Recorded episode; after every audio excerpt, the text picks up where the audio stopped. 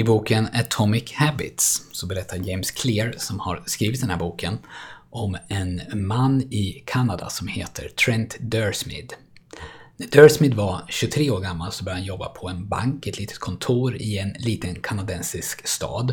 Och hans uppdrag, tror jag i alla fall efter att ha läst boken, det var att sälja fonder och aktier och kanske andra finansiella tjänster. Det är lite min tolkning, men han jobbade i alla fall på bank och han jobbade med försäljning. Varje dag när Trent Dursmid kom in till sitt kontor så ställde han fram två burkar på sitt skrivbord. Den ena burken var tom och den andra burken innehöll, innehöll gem. 120 stycken gem.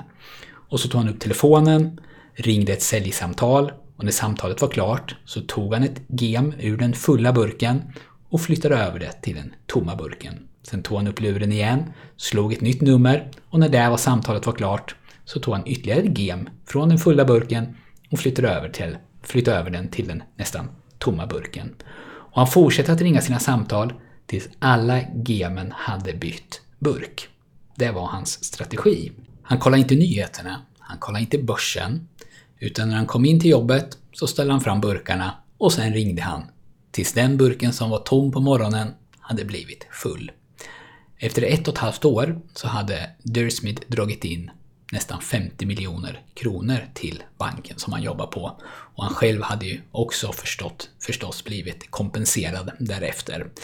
James Clear han skriver att Dursmiths resultat är ytterligare ett bevis på att framgång ofta handlar om att förbinda sig till, att hålla sig till grunderna om och om igen.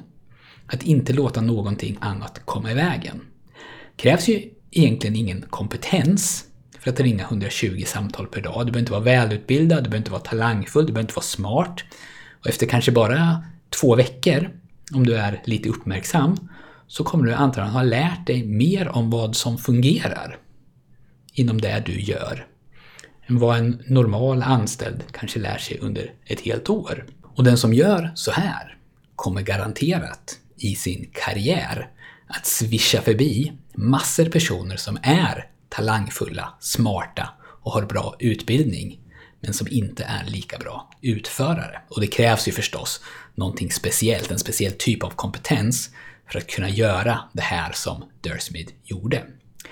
Ett av skälen till att det här sättet att jobba med två, med två burkar och en hög med gem kan vara så effektivt, det är att det skapar en slags visuell bild av det här annars ganska så abstrakta arbetet med att sitta och prata i telefon eller ringa samtal. Framstegen man gör syns väldigt tydligt och skillnaden i resultat mellan att göra så här eh, och att bara säga till sig själv att idag ska jag ringa säljsamtal mellan 8 och 2 till exempel.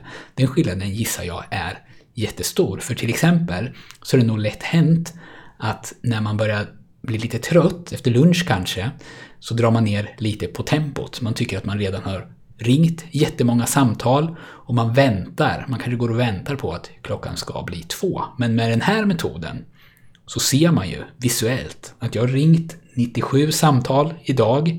Jag har bara 23 stycken gem kvar och det finns inte en chans att jag ska avsluta dagen utan att fylla den här burken nu när jag är så nära. Man gör det här till en lek i någon mening som hjälper till att få jobbet gjort.